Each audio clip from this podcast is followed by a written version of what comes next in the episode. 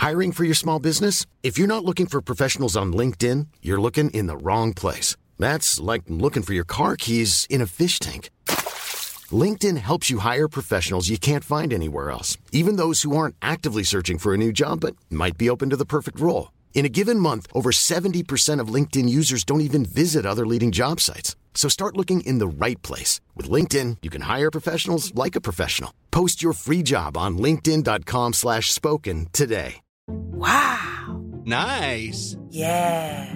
What you're hearing are the sounds of people everywhere putting on Bombas socks, underwear, and t-shirts made from absurdly soft materials that feel like plush clouds. Yeah, that plush. And the best part? For every item you purchase, Bombas donates another to someone facing homelessness. Bombas. Big comfort for everyone. Go to bombas.com slash ACAST and use code ACAST for 20% off your first purchase. That's bombas.com slash ACAST. Code ACAST.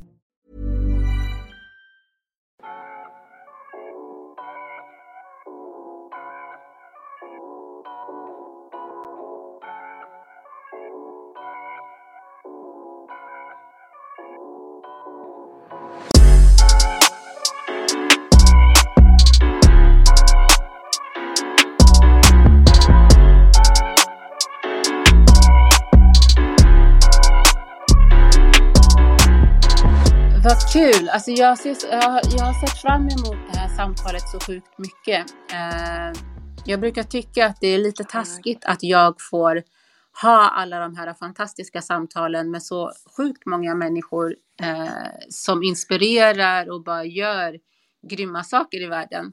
Eh, och du är ju faktiskt en av de personerna som jag får äran att bara så här, kunna slänga iväg ett DM till och fråga Hallå, hur är det med det här? Hur tänker du kring det här? Så att jag Mm. tänker att det här får bli en liten så DM conversation, eh, men med å- åhörare heter det när folk lyssnar. Eh, och till er som inte vet, kvällens gäst är ingen mindre än Zainab Jones. Ja, vi delar efternamn, men vi är inte släkt by blood, but we are sisters in, eh, in love. Yes. Och, eh, Yes. Verkligen. Ja, och alltså jag måste bara berätta, du vet första gången jag kom, like came across your account, jag var så här, Mm. hmm, this might be another one of my sisters. Just för att alltså, så här, min pappa, han hade eller han, ja, han har, eh, han har dött, men han, jag har ju sjukt många syskon från min pappas Mm. sida och några utav dem har jag lärt känna genom ins- Instagram och, eh, och Facebook. sant? Alltså så här, bokstavligen bara, huh, du har samma efternamn som mig. You kind of look like me. Ja. så att det, det var inte helt omöjligt med andra ord. Nej, you never know. Ja, men jag tänker, eh, för de som inte känner dig, hur hade du beskrivit dig själv och hur hade dina nära och kära beskrivit dig? Mm. det är en svår Ehm, fråga, jag vet. ja, verkligen. Jag, jag kan ju berätta att ehm, jag brinner ju för jämlik vård. Ehm, Mm. Jag brinner för eh, att alla ska få samma behandling, rätt vård, även om det är inom, ja, men överlag. Eh, ehm, och ehm, i även hudvårdsbranschen. Eh, jag är sjuksköterska och eh, har jobbat 20 år inom vården. Ehm, Wow, du ser ut att vara 20 år.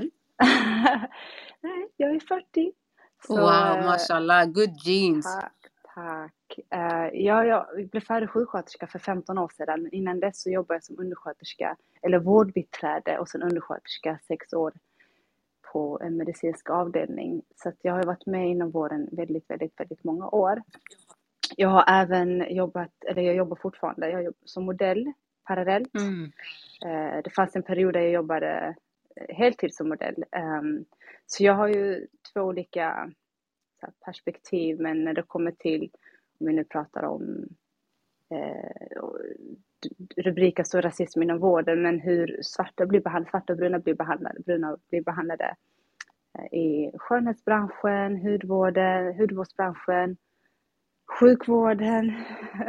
Det är ju de här frågorna som jag verkligen eh, har jobbat aktivt, tar upp pratar om obekväma, tar upp obekväma eh, frågor och samtal där jag befinner mig, på arbetsplatsen eller om det är med kollegor eller om det är um, när jag bodde i New York och jobbade som modell, heltid som modell, där jag, det här med colorism, det var helt um, ja, men det var hemskt för att eh, vi var svarta tjejer som, ja men basically vi var indelade utifrån vår hudfärg. Så att eh, ju ljusare hud du hade, eh, desto lättare var det för dig att få jobb. Det var, eh, jag hamnade i en situation där jag inte riktigt, jag kunde inte glädjas av att få, när man, man var på casting och man var uppraddade och sen så mm. kunde jag få ett jobb Eh, på grund av att jag hade, som de då, de här eh, designer eller agenterna eller kunden tyckte att Mm. Eh, men du vet det här med colorism, hur de delar in oss. Mm. Eh, det var väldigt svårt och jag tackade nej eh, till en del jobb för att jag kunde inte moraliskt ta det jobbet och glädjas över det för att min svarta syster inte fick det. För att jag mm. fick det, för att jag var ljusare än henne. Så det här är något som jag tar upp har tagit upp hur många eh, men jag gör det, jag, är inte, liksom, jag har ingenting att förlora. eh, I slutet av dagen, jag är inte, jag är inte, jag är inte ute efter, eh, även när jag jobbar som modell, jag, alltså, det är inte, för mig det handlar inte om att eh, lyckas vara framgångsrik modell eller vara en kändis, utan för mig handlar det om att när man har den möjligheten och man har de här förutsättningarna för att kunna stand up och säga till och säga ifrån och göra skillnad. Det, det, är, väl så, det är väl så jag har alltid varit. Um, alltid. Ja. Mm. Men om vi tänker så här att, vad heter det, hur blev du du? Mm. Hur jag blev, men det är, det är genom svåra, jag har aldrig, som alla andra som ser ut som mig eller som Alltså man har ju haft hinder på vägen. Jag har alltid fått kämpa hårdare. Jag har alltid fått eh, knacka alla dörrar. Det är ingen som öppnar dörrarna för mig utan jag får nästan sparka för att kunna lyckas eller för att bevisa.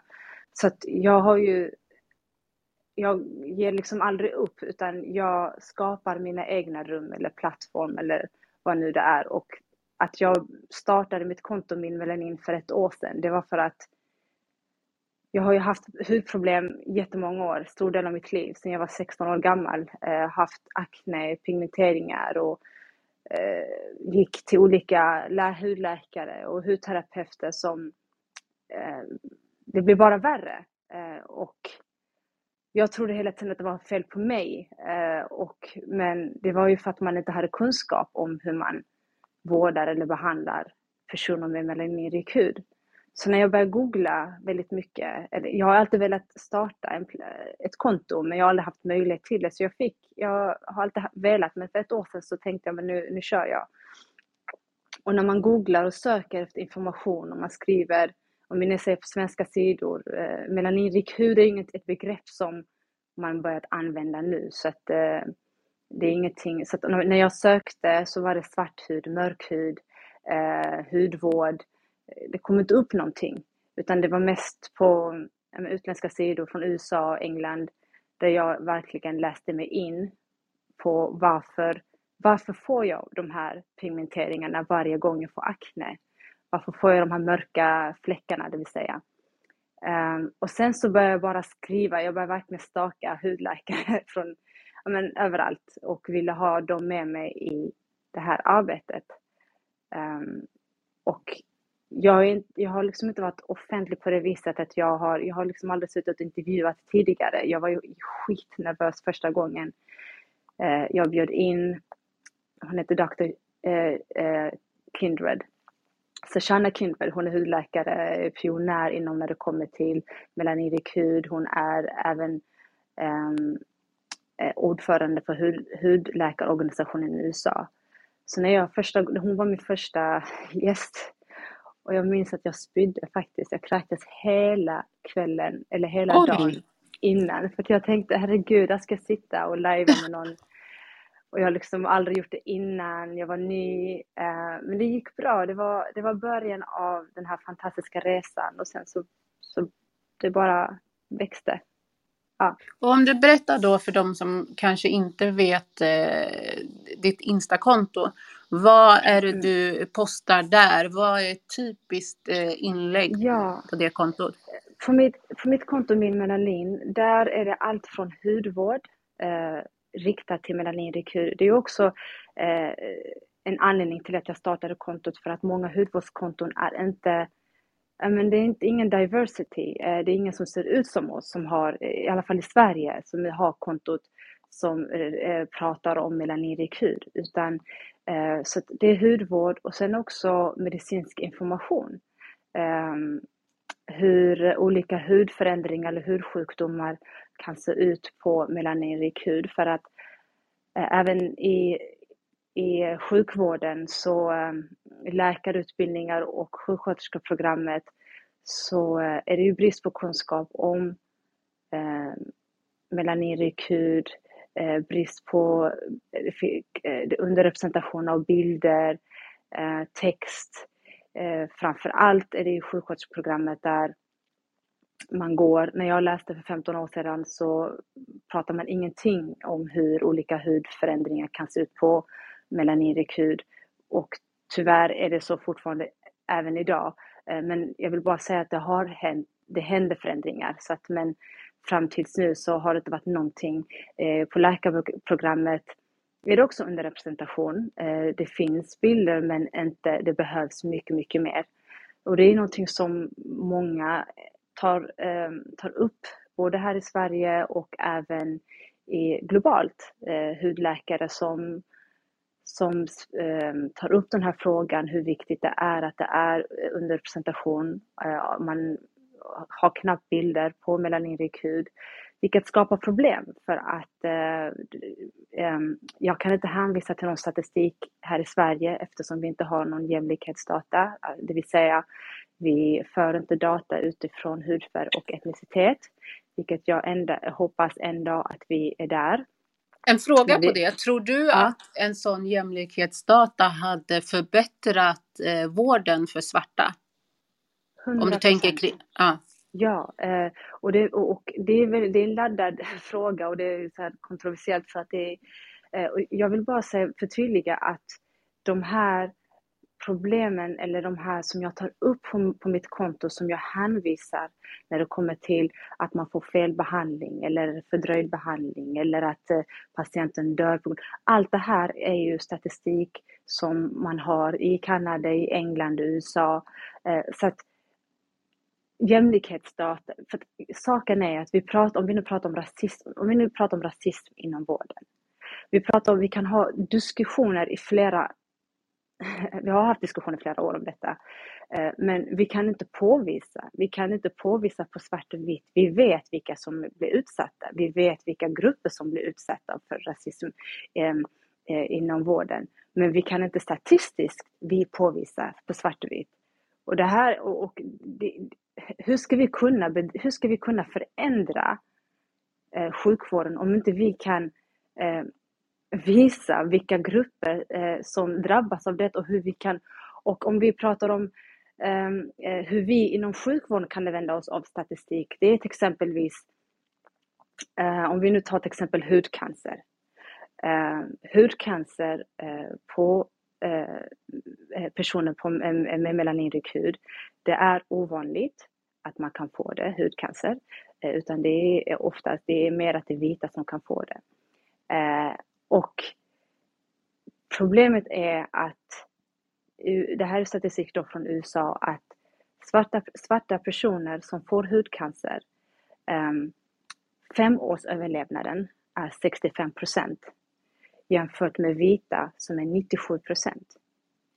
Då frågar man, hur kommer det sig att en svarta är det ovanligt att man kan få hudcancer, men att svarta dör mer än vita? Och det har ju på grund av, då har man ju sett olika faktorer, eh, brist på kunskap i sjukvården, för att man lär inte ut i läkarutbildningar, sjuksköterskeutbildningen, att, eh, eller utbildningar, att svarta kan visst få hudcancer. Eh, det är också brist på information till medborgarna ute bland the black community. För att man, man, man växer, då har de växt upp i tron att alltid de får höra att svarta inte kan få hudcancer. Eh, de söker sig för sent. Eh, diagnosen är avancerad och därför så eh, är, är sannolikheten större att de dör. Så statistiskt, och det är så mycket man kan göra med statistik. Vi vet att person, bruna och svarta kvinnor har högre risk att dö vid förlossning. Kvinnor. Mm. Vi vet att i England är det fyra gånger större risk att en svart mm. kvinna dör. Vi vet. Och statistik, jämlikhetsdata är viktigt. Det är jätteviktigt i vårt arbete. Mm. Men jag tänker på en sak som du sa, jag, jag nästan satte mitt te här i halsen. Så mm. det, det är färre svarta som mm. får hudcancer Mm. Men det är fler svarta som dör av hudcancer. Ja, precis. Jag vet att jag har IG i matte, men, men, men den där statistiken går inte ihop alltså. Nej, men precis. Och det är för, det, men det är för att det, det, vi har ju som till exempel här i Sverige så har vi eh, vad heter den, 1177. Eh, mm. Eh, och inte 1177, vad heter den nu? Oh, nu står det helt stilla. När man söker... Eh... Tänker du Vårdguiden eller? Ja, Eh, ja, men, ja, men precis. När man söker olika eh, kunskap om olika, mm. det är väl 1177? Ja, men ja precis, det är 1177. Ja. Eh, nej, det är inte 1177. Oh, nu står det helt stilla. Oh, eller vad tänker? Hjälp mig. Ja, tänker på det här FARS eller nej? Nej, det är mm. läkemedel. Mm. Vad heter den då? Nej, det är, det är folkbild, alltså. Nu står det helt stilla. Eh, jag återkommer till det. Ja. Eh, man, har ju, man, gör, man utbildar, vi utbildas i förebyggande syfte. Vi medborgarna här i Sverige, det finns ju jättemycket information om hudcancer till exempel. Mm. Eh, vi kan söka oss information, vi får information. Man har kampanj en gång om året, i maj månad, en hel månad, där man awareness, eh, hudcancer awareness. Att man, det är till och med gratis, du kan till och med gå och göra en screening globalt, inte bara här i, i Sverige, utan det är någonting som man uppmärksammad överallt. Men i den här kampanjen så har man inte svarta med, man har exkluderat en hel målgrupp. Så det här att man har folkbildat, eh, eh, eh med folkbildning och information ute, men man exkluderar, så det är brist på information eh, för eh, Black community. Det är, sjukvården får inte lära sig, det finns inte ens bilder. Du kan inte hitta, det var en läkare, läkarstudent som här i Sverige som berättade för mig att, eh, att hon var nästan färdig med sin utbildning och hon har inte sett en enda bild på hur en hudcancer kan se ut på melanerik hud.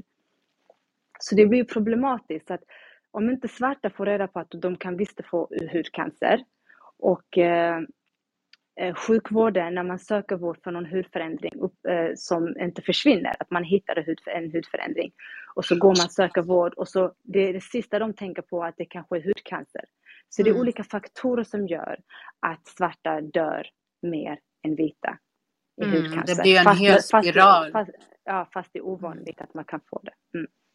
Wow, alltså det låter som en hel dominoeffekt utav I don't even know what to call it, men ja. Och vad tänker du då? För att du har ju startat eh, eh lite olika initiativ för att uppmärksamma rasismen inom vården. Eh, Mm. Vad tänker du kan vara lösningen? Du nämnde lite i början att det är vissa saker och ting som är på gång och liksom så. Vad är de sakerna? När märker jag som enskild individ det när jag går till doktorn? Eller ja? Mm, alltså, när, mm, det, om vi separerar, jag, jag, säger, ja det är två olika frågor här för att eh, Alltså ras, rasism inom vård, om du drabbas av rasism inom vården. Vi, vi körde ju, vi var ett gäng eh, och pratade om rasism inom vården på Clubhouse och, eh, nu för ett år sedan. Um, och, eh, och efter det här så startade, startade jag och Sarah Eh, den här jämlik vård för BIPOC som finns eh, på Instagram. Och där vi uppmanade folk att man skulle skicka in deras eh, upplevelse vad de har gått igenom. För i och med att vi inte har data på eh, om rasism, vi, återigen, vi har, inte, vi, vi har inte data på vilka som blir utsatta för rasism, utan vi vet, um, alltså statistiskt då, um, så att det, det, är svårt, det är jättesvårt Aisha. Det är jättesvårt hur vi ska, vi måste först få politiker att förstå att det förekommer. Eh, det är det vi måste göra. Vi måste, vi måste visa, det är jättesvårt. Eh, ehm, hur ska vi kunna göra förändring när, vi inte, när man inte erkänner att det ens förekommer rasism inom vården? Mm. Så det här är någonting som vi får kämpa eh, jättemycket. Eh, jag hoppas att fler och fler skickar sina upplevelser till jämlik vård för BIPOC. Det finns jättemånga ute, eldsjälar idag som lyfter Läkare mot rasism till exempel. Vi, vi, vi är många som bedriver den här frågan och lyfter och, och visar, eh, delar med oss folks upplevelser. Mm. Um, men vi måste ha eh, politiker med oss som eh, det ska vara på nationell. Hur ska vi bedriva, hur ska vi kunna, ehm, eh, hur, hur, ska vi jobba mot rasism eh, mm. in, inom vården? Mm. Som patient och, och som sjukvårdspersonal. Som mm. sjukvårdspersonal är vi ju helt utsatta. Vi kan, jag och många har blivit utsatta av patienter för rasism inom sjukvården. Men vi är inte, vi, har, alltså vi, ehm, vi, har, vi är inte skyddade. Eh, mm. Vi är inte skyddade alls, utan ja, det är så mm. vår verklighet ser ut. Mm. Jag ska säga det också, eh, för er som lyssnar på det här samtalet via Clubhouse så finns det nu en länk längst upp där ni kommer till det kontot som, som Seinab nämner. Eh, eh, vad heter det? Jämlik vård för BIPOC mm. som ni kan följa. Och länken innan eh, om ni inte hann klicka på det så var det länk till Seinabs egna konto på, på Instagram. Jag kan länka dit igen så att ni hittar det. Och ni som mm. lyssnar i efterhand som inte har varit med live på Clubhouse, y'all are missing out helt enkelt. Mm. Uh, Jag vill bara tillägga att vi vi är, vi är en grupp um, som verkligen jobbar jätteaktivt mot uh, rasism inom vården. Så, så jag, inte helt ensam i den här kampen. Eh, det finns jättemånga eldsjälar där ute.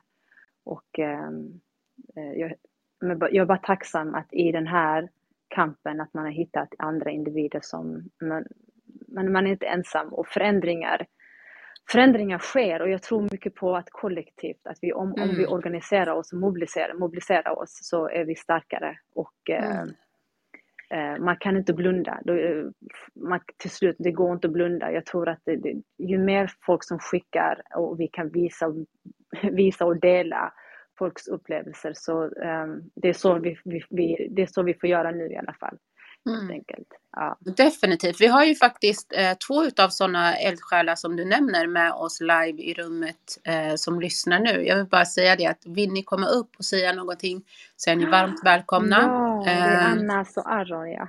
Ja, eh, en av orsakerna till varför vi spelar in eh, Speak On It på Clubhouse är ju för att vi vill skapa en dialog eh, och ett samtal tillsammans med er som lyssnar.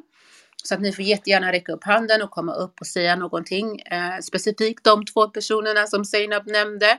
Jag nämner inte era namn förrän dess att ni själva gör det. Eh, och det ja. ni behöver veta är att när ni väl kommer upp och säger någonting så ger ni per automatik mig eh, tillstånd att eh, distribuera era röster i samtalet eftersom att det då blir en del utav eh, min podd Speak On It.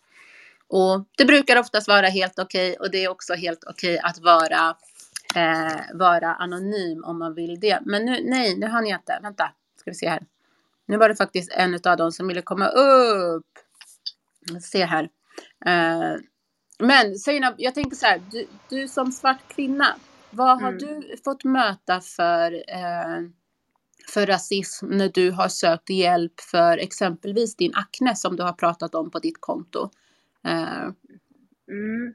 Um, ja, uh, alltså, jag kan inte säga att jag har upplevt rasism inom vår, alltså, in, jag har inte upplevt rasism när jag sökte hjälp för min akne och pigmenteringar, utan det, det är mer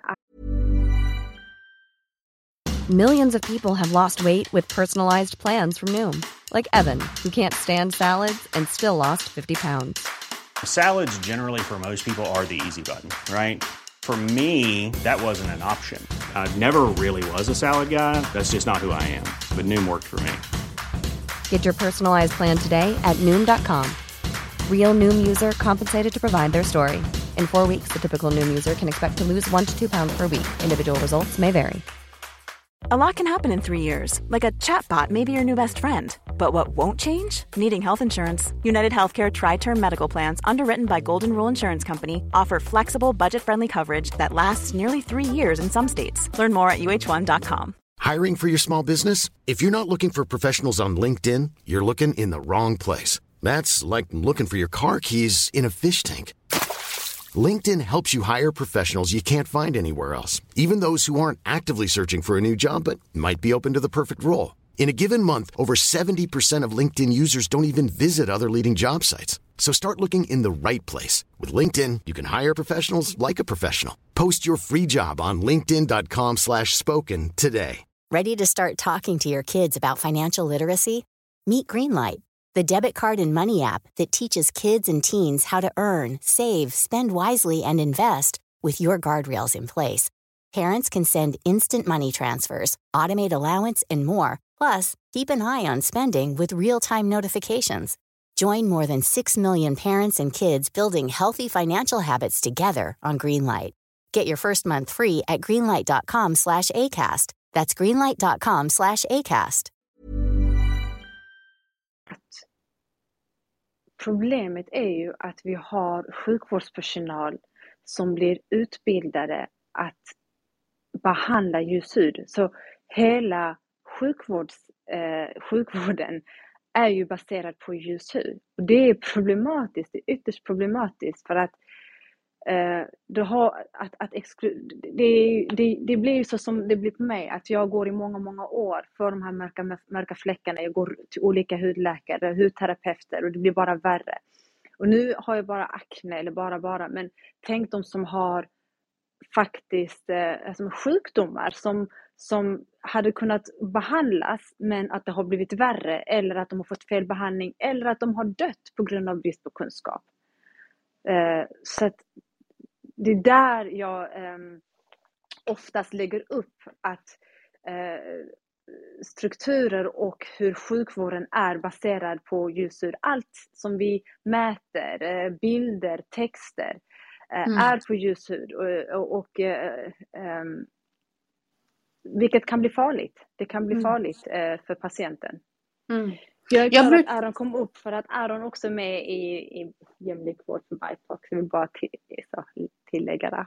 Mm. Ja, hej och välkommen. Uh, du får själv säga ditt namn innan jag säger det som sagt, men jättevälkommen. Vill du tillägga någonting? Hejsan, kan ni höra mig? Jag vet inte om min mick funkar. Vi hör dig. Ja, hejsan. Aron heter jag. Tack Aisha, tack Seinab för att ni bjöd upp mig. Jätteintressant samtal. Verkligen, och verkligen ett samtal som behöver tas. Eh, bara för att poängtera det. Jag håller väl med Seinab i det sista hon sa här. Att eh, jag tror att den farliga rasismen eller diskrimineringen som man måste kämpa emot inom vården, det är väl den den här passiva som har kommit ifrån att man eh, mer eller mindre har studerat, att man inte har studerat på andra än, än, än eh, vita människor. Mycket av liksom våra PM som vi arbetar inom vården och liksom, eh, liksom medicinska riktlinjer, de har ju tagits fram på eh, evidens som mer eller mindre bara har inkluderat alltså en vit befolkning in till själva de här clinical trials. Eh, och det är ett problem för att om man exempelvis tar dermatologi eller hudvård så ser vi liksom att det kanske inte alltid är applicerbart. Uh, och det är väl det som vi måste bli bättre på inom vården, inom utbildningsväsendet, i många olika aspekter, att liksom bejaka att vi har en ojämlik vård som kommer ifrån att vi inte har rannsakat oss själva till att liksom vara mer inkluderade i hur vi liksom sätter upp vår evidens kring vård överhuvudtaget.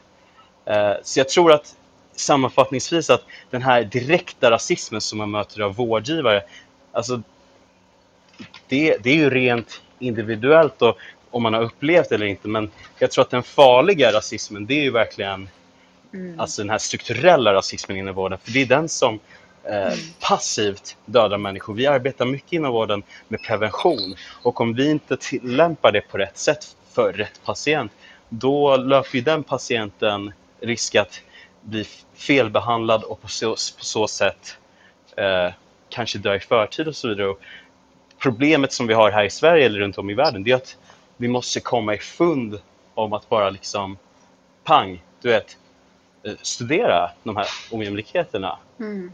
Men vem är det som bestämmer då? Jag tänker så här, jag har väldigt många unga eh, människor som lyssnar och så här, vem är det som bestämmer då vem eller vad man ska lära sig i, i läkarutbildningen, i sjuksköterskeutbildningen och så vidare?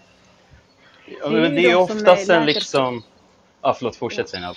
Nej, det är ju de som sitter i positioner som avgör innehåll, alltså innehållet.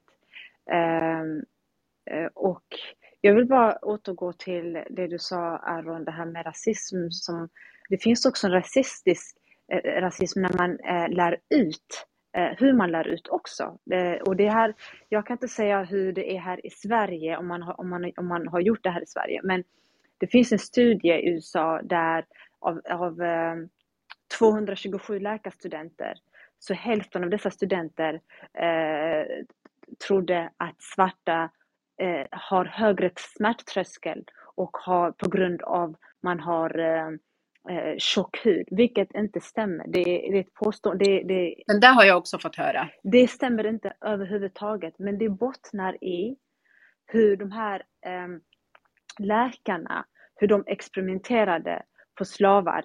Det bottnar i de, bland annat den här som man kallar för gudfadern inom gynekologi. Vad heter han Aron? Minns du vad han hette? Um, jag kommer inte ihåg, men han, han experimenterade på en svart äh, äh, kvinna där utan bedövning, där han verkligen fick för sig att hon inte, att hon inte kände smärta. Så att det har ju än idag äh, än idag, så vi har, um, så att vi har till exempel, uh, jag kan säga så här, jag har haft uh, svarta, jag, jag har svarta vänner som har sagt till mig att när de säger att de har smärta så blir de inte betrodda. De tror inte att de har ont, att de överdriver.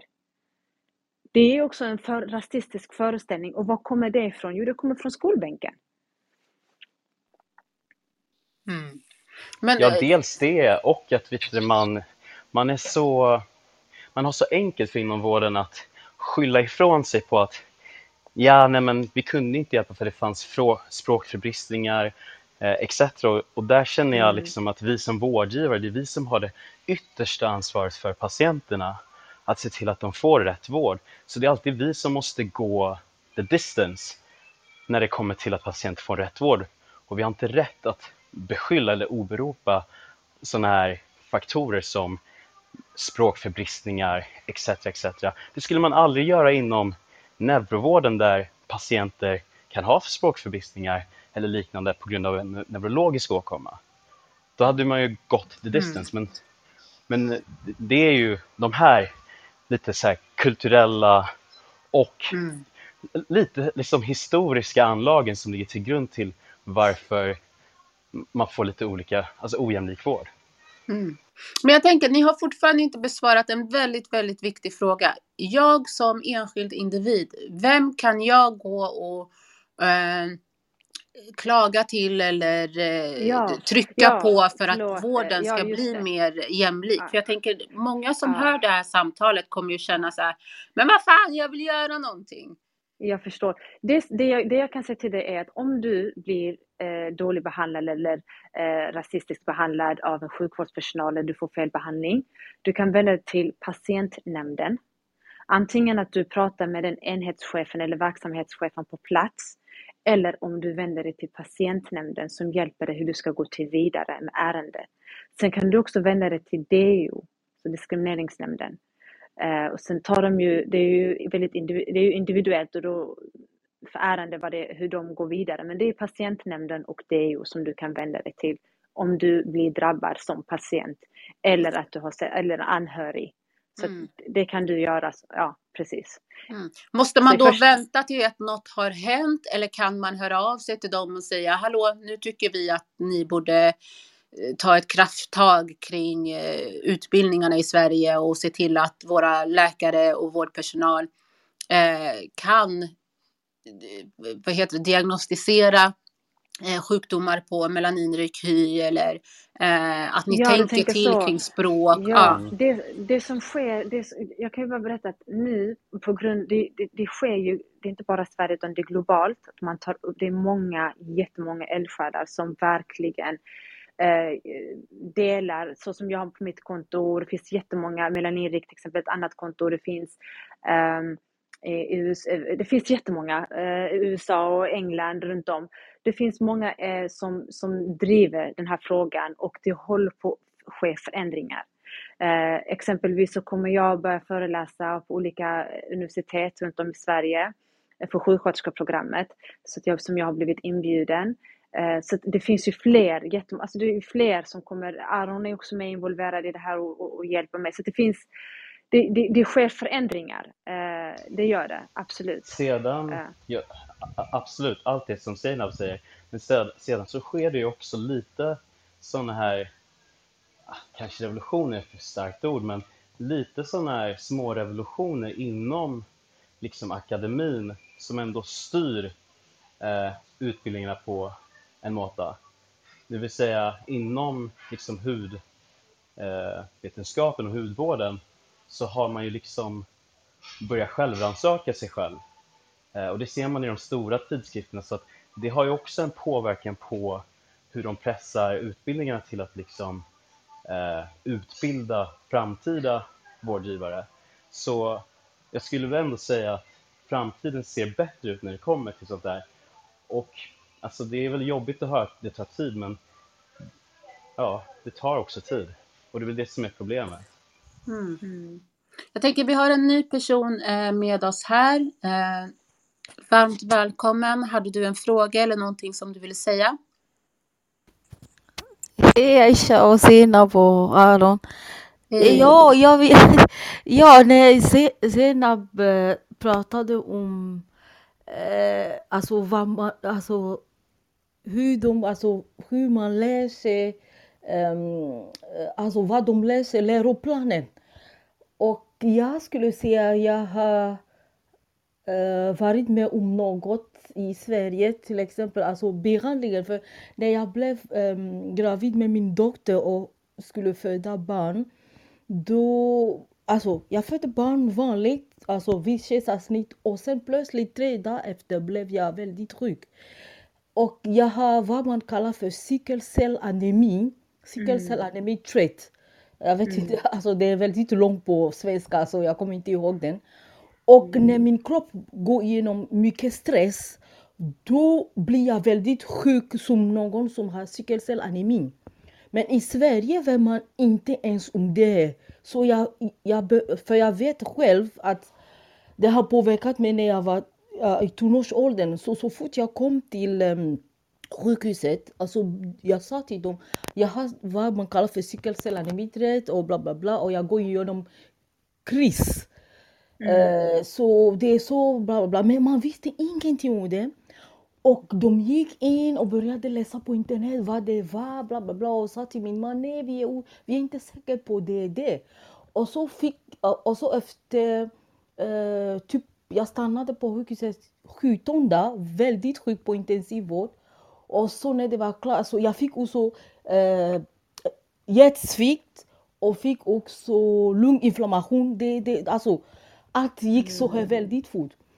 Så fick jag koppla det till en hematolog som tittade på allt, tog blodprov och bla. Men jag tyckte att man skulle kunna undvika vissa saker om man hade om han hade, om man hade någon slags, um, hur ska jag säga det, Eh, inte information men man, man, man, man, vet att många svarta personer eh, har den här cykelcellanemi i blodet och det är något som är vanligt hos, folk, hos folk som kommer från Afrika och Asien, speciellt Indien.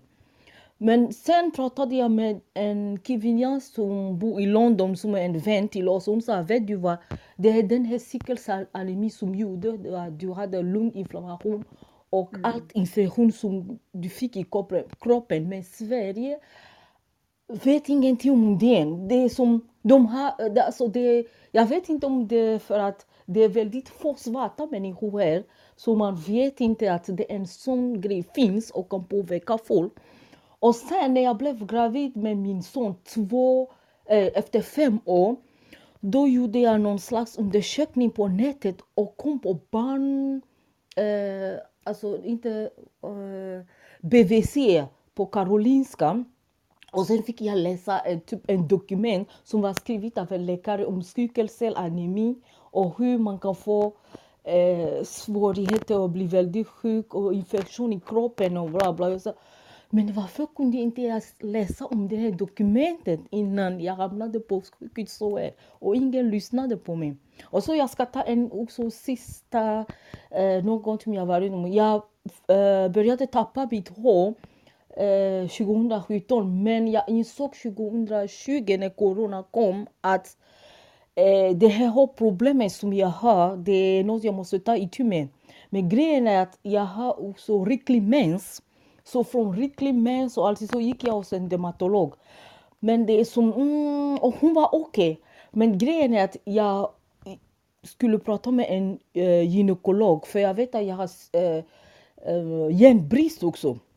Så, så fort jag kom till henne och började prata ah, till gynekologen, ah, vet du vad, jag börjar förlora hår för på grund av... Hon lyssnade inte på mig. Men det är inte vi som ska ta hand om bla bla bla om detta, du måste bla bla. Men hon hade en, em, en assist, inte assistent, eh, hur jag ska säga, alltså elev, någon um, läkarstudent med, eh, med C. Så hon sa, ah, men jag, går, så jag ska gå och titta på den här cykelcellanemi för de skulle skriva någon medicin till mig som heter cyklocapron.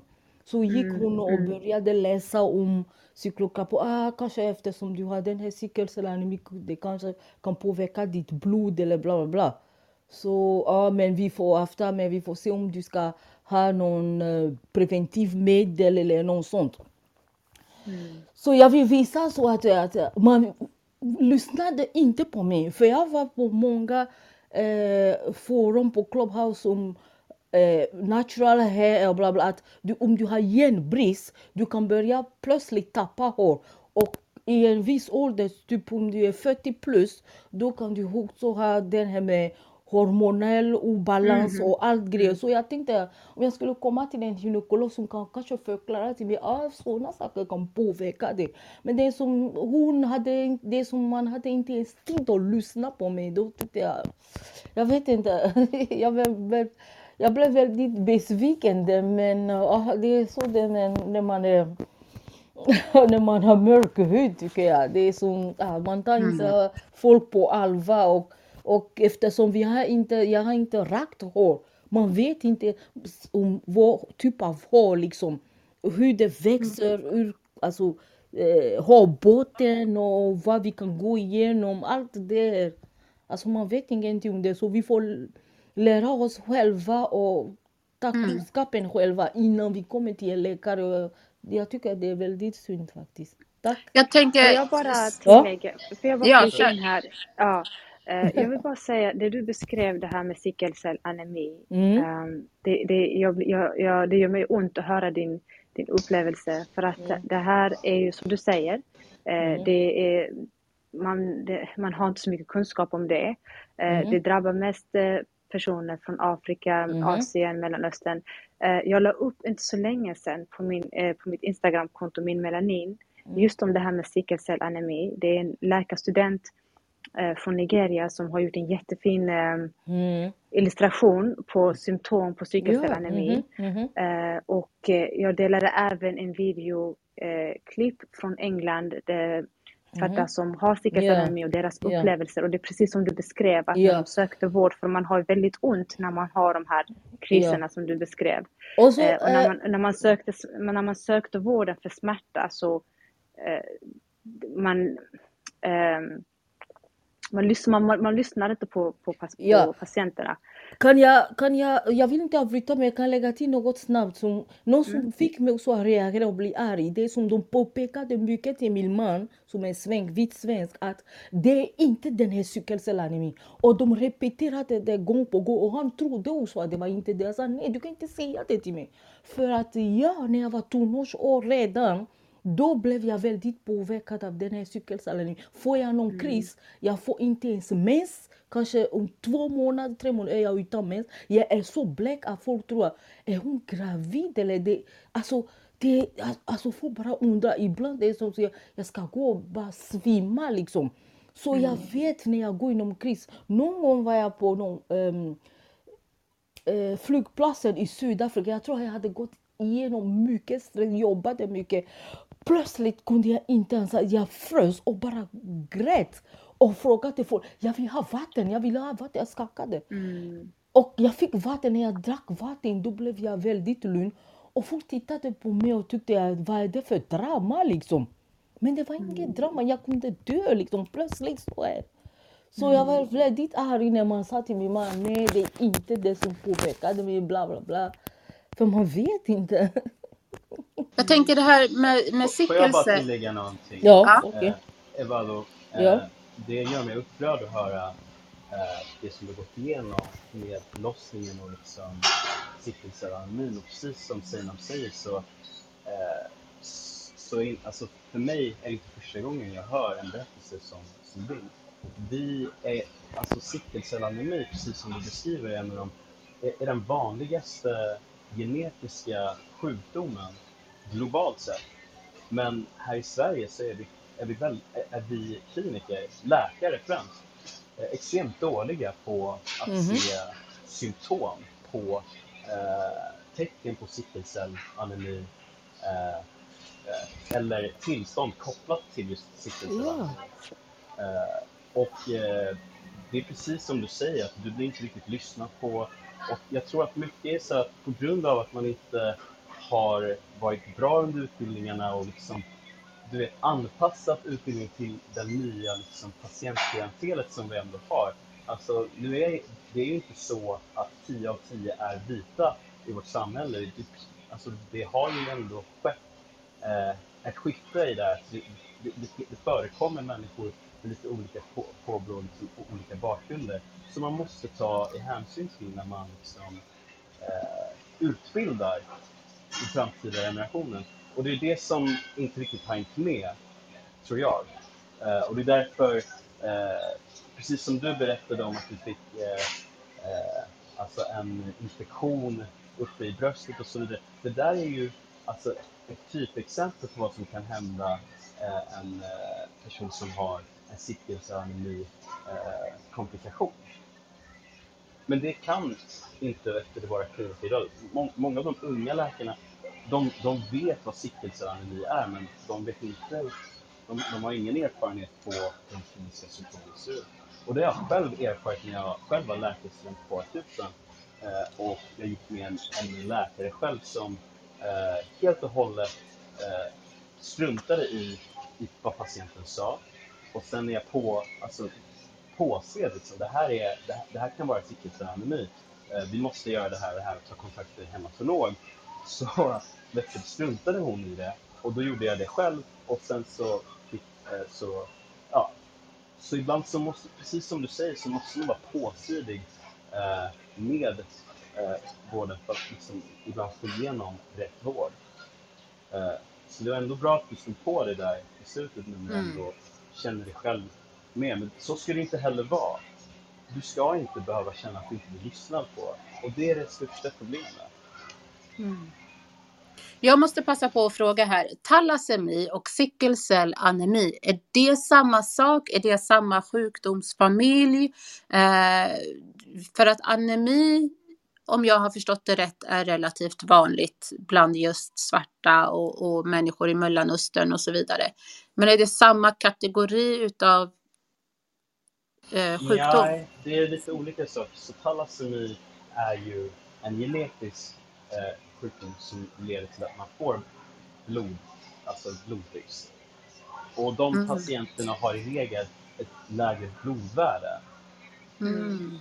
Medan sickelcellanemi kommer av att du får ett lägre blodvärde på grund av att eh, de här parasiten har gått in i det, det här, de här blodkropparna och deformerat dem lite grann. Så det är lite olika eh, geneser så att säga, men själva resultaten blir att man får eh, ett blodbriststillstånd. Okej. Hur, ja, det kanske är ett helt eget samtal, men bara, alltså jag blir superintresserad eh, av just det här med talassemi, anemi, cykelcellanemi, för att jag känner otroligt många som har just det här eh, anemi och sen olika saker där i början. Varför drabbar det oss? Jättesvår fråga, jag vet. Jag sätter det verkligen på pottan här. Men... ja, men alltså, bättre... Alltså du menar varför det drabbar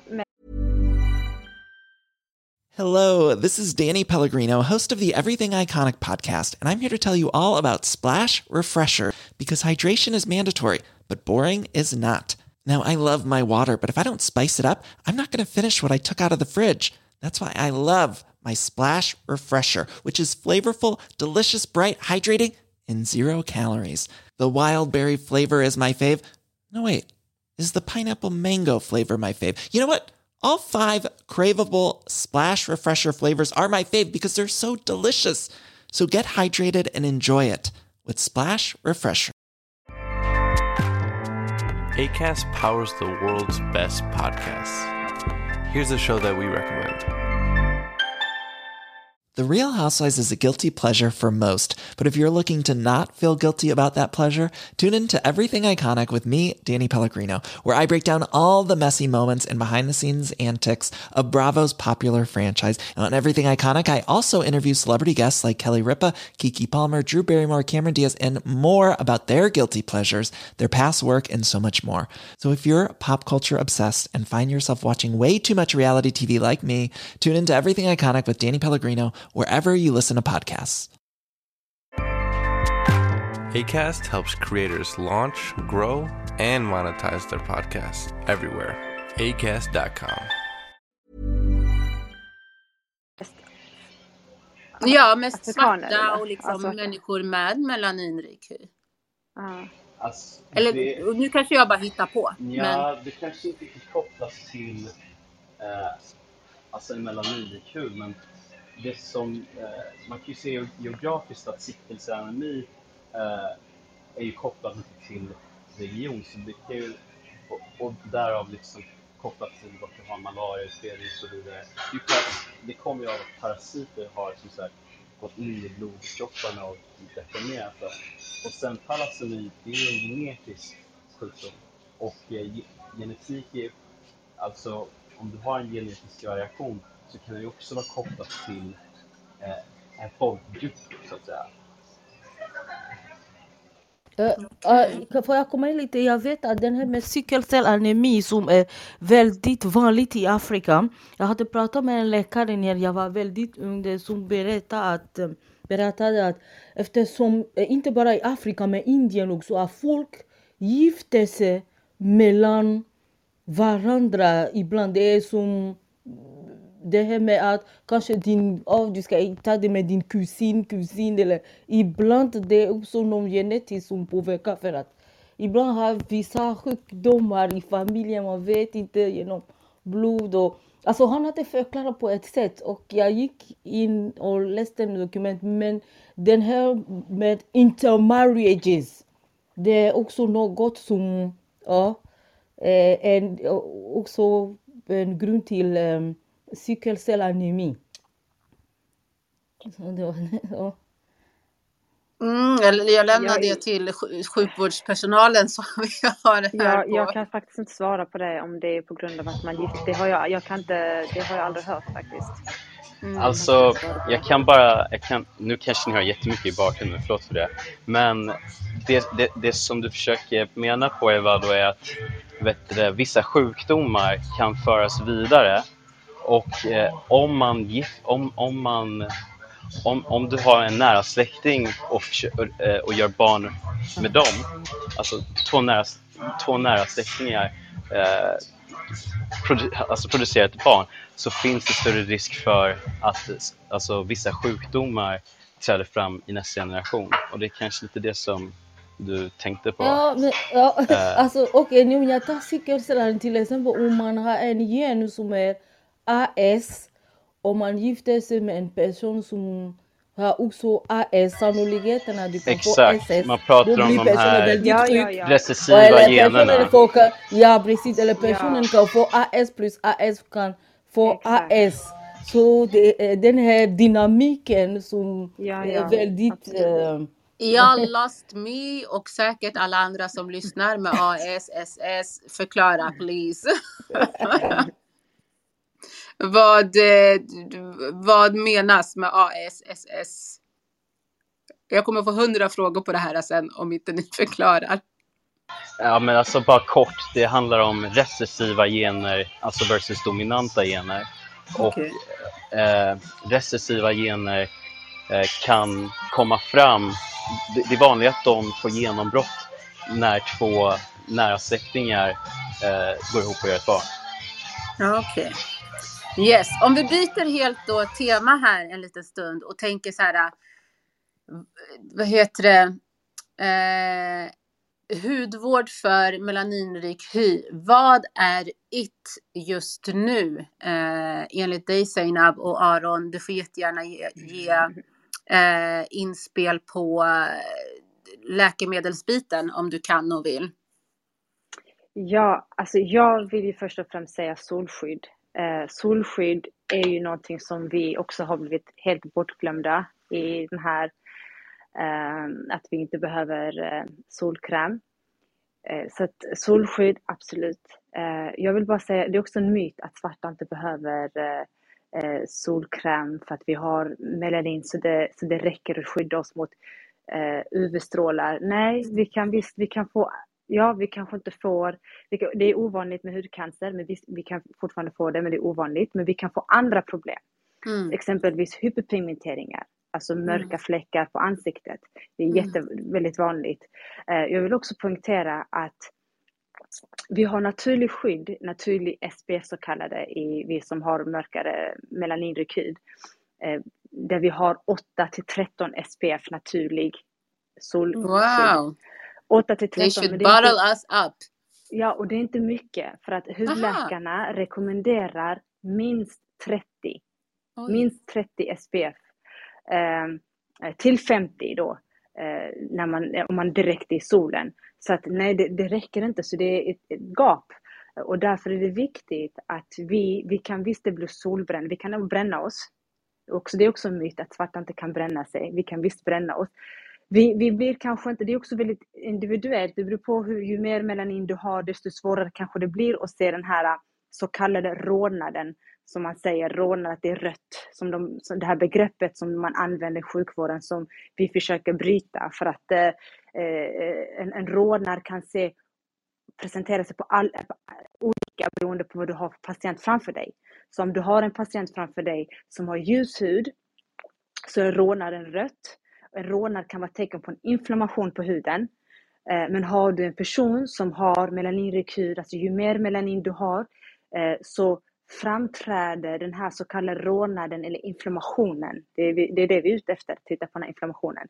Det kan visa sig att huden där inflammationen finns, området, att det blir mörkare, mer åt det lila, eh, blåaktigt. Så det beror på vad man har för patient. Så att, så att personer med melaninrekur kan bränna sig, eh, vi får hyperpigmenteringar, vi får, vi får andra, så de här UV-strålarna kan skada oss också. Eh, så att solkräm är ju någonting som jag absolut rekommenderar till alla.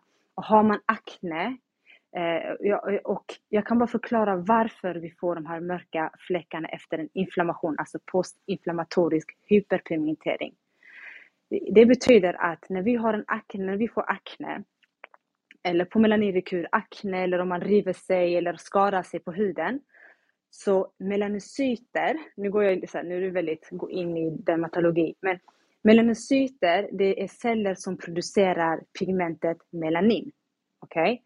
Och melanocyterna, det finns lika många melanocyter både hos vita och eh, svarta. Lika många. Men melanocyterna på melaninrik hud är större och mer aktiva. Vilket innebär att när vi får en inflammation eller en hudskada eller akne eller att vi skadar oss så triggas de här melanocyterna att producera mer melanin. Det är därför när vi får akne att vi får de här mörka fläckarna. Så det är mörka fläckar på ljus hud och på vit hud så kan det vara röda fläckar. Erytmea, alltså postinflammator inflammatorisk erytmea är det på eh, vit hud. Så på melaninrik hud är det postinflammatorisk hyperpigmentering. Och har man problem med mörka fläckar redan så förvärras de av solen. Så om du har problem med akne, du som lyssnar som har melaninrik hud har problem med akne, har mörka fläckar, det är ännu viktigare då att du använder solkräm. Um, så, att du inte, så att de mörka fläckarna inte blir värre. Eh, det tar längre tid då för att behandla de här mörka fläckarna. Så solkräm är nummer ett, för mig i alla fall. Eh, nummer två eh, skulle jag säga retinol, A-vitamin. A-vitamin är en fantastisk ingrediens som Eh, det finns jättemycket forskning bakom. Det är anti-age, eh, det är cellförnyelse, det hjälper om man har hyperpigmentering, det är antiinflammatoriskt, det är bra om man har akne. Eh, så det är, min, det, jag har, det är det bästa som man, som enligt mig. Så det är A-vitamin, det är solkräm och sen är det vitamin C också. Och vitamin C också mot, eh, det hjälper mot eh, det cellförnyelse så att nya hudceller kommer fram, mörka fläckarna försvinner, det är stark, kraftig antioxidant. Så det är de tre jag, jag skulle rekommendera. Okej, okay. nice. Liksom to go. Good, yeah. Ja, nu är Aron i telefon, men vi hoppas att han kan joina oss och ge oss mm. från ett läkarperspektiv vad som är eh, Eh, it för melaninrik hy. Men jag tänker Seinab, om man vill lära sig mer om eh, eh om melaninrik hy och vården för det och så vidare. Vart, eh, vart hittar man dig någonstans? Man hittar mig på Min Melanin när det kommer till hudvård och medicinsk information. Man hittar mig även på Jämlik vård för BIPOC. Eh, där är det mycket om rasism inom vården som jag delar eller att jag uppmanar människor att dela sina upplevelser och så delar vi dem anonymt. Mm. Um, ja. Mm, nice. Och eh, så här innan vi avslutar. Vad, eh, vad drömmer du om för 2022? Vad är ditt stora mål? Vet du, intressant, jag fick den frågan och det jag drömmer om är att eh, vi, vi kräver att det ska vara representation i sjukvården, i, i kurslitteratur. Oftast pratar jag, pratar väldigt mycket om att vi är avhumaniserade. Vi blir avhumaniserade för att vi finns inte med i kurslitteratur, medicinska böcker, vi finns inte i text, inte i bild. Allting som hela sjukvården är uppbyggd på ljushud. Så på det viset så blir vi avhumaniserade. Man lär, eh, så att, eh, och, det, och i kliniska studier så använder man eh, vita patienter. Så att de här läkemedel eller hudvårdsbranschen, allt det är ju utifrån, eh, de flesta är utifrån eh, personer med, med vit hud. Eh, så 2022 hoppas jag, och det, är, det, det håller också på att ske, eh, förändringar inom läkarprogrammet och sjuksköterskeprogrammet.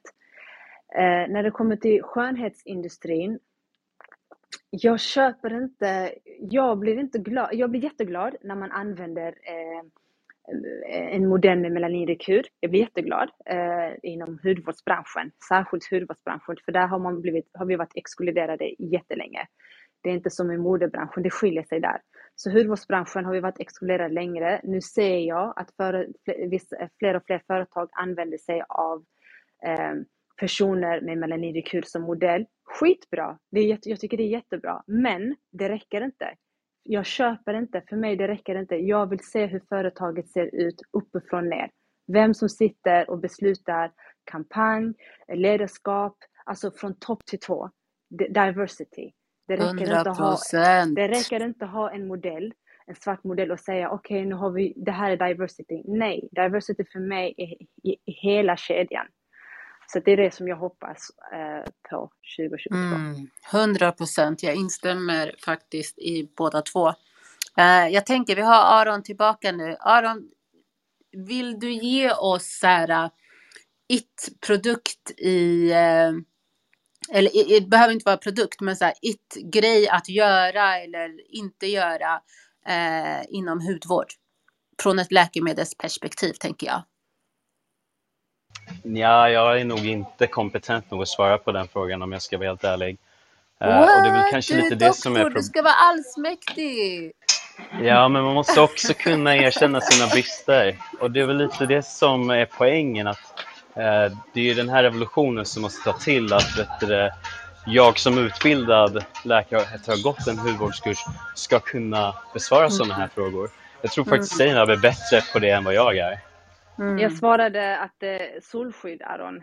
För att jag försöker bryta ja, det här exakt. eh, att eh, vi inte att vi inte kan bränna oss, att vi inte skadas av UV-strålar, mm. farliga UV-strålar. Och det håller jag helt och hållet med om. Det är nog den viktigaste eh, punkten att ta med sig härifrån.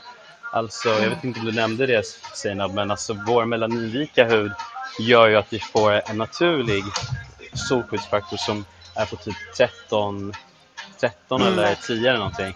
Men alltså för att få ett solskydd så behöver man ju ibland ha minst uppemot 30, uppemot 50 liksom. Så mm. vi måste fortfarande använda solskydd och det är någonting jag har lärt mig från Seinab faktiskt.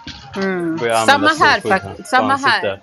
Ja, så glad jag blir. Yes. Uh, jag trodde inte att, uh, like I used to say, no, the fuck do I need that for? alltså, mm. Men mm. eh, Seina gjorde, visst har jag, har jag eller har jag, jag nej, nu kan jag alltså, nej, men jag håller med. Jag var i Australien på utbyte. Spenderade 6 till 9 månader där. Använde inte solskydd ett dag. Och det är för att, jag, för att jag trodde att jag I was, you know, immune. Ah. Men det är ju en skröna. Det är en skröna som vi måste demontera, för det är inte sant. Mm. Ja, men Nej, men du gjorde ju en serie om, eh, om SPF om jag inte minns fel, eller hur Seinab? Ja, jo. Jag pratar ah, jättemycket om, ja, jag, tack, jag pratar jättemycket om SPF för att det är någonting som verkligen är djupt inrotat. Det vi, mm. man, man, man har ju inte med, det, jag har ju fått, även jag, föräldrar som har skrivit till mig där deras, vad deras barn går, som går på förskolan där fröknarna säger men du behöver inte, din son behöver inte solskydd för att han är, har ju mörk hud. Och det är så problematiskt när de uttrycker sig på det viset. Eh, för att eh, barn, vi alla, oavsett barn, vuxna, vi kan bränna oss, vi kan visst skada oss av, av solen. Mm. Så galet. Eh, och tack så jättemycket för att du sprider all den här kunskapen Seinab om eh, om vår hud eh, så att vi kan eh, educate ourselves men också protect ourselves. Och även till dig Aron, fantastiskt arbete som du gör. Jag försökte hitta dig på Insta men jag kunde inte. Du får jättegärna skicka eh, DM till mig så att jag kan följa dig också.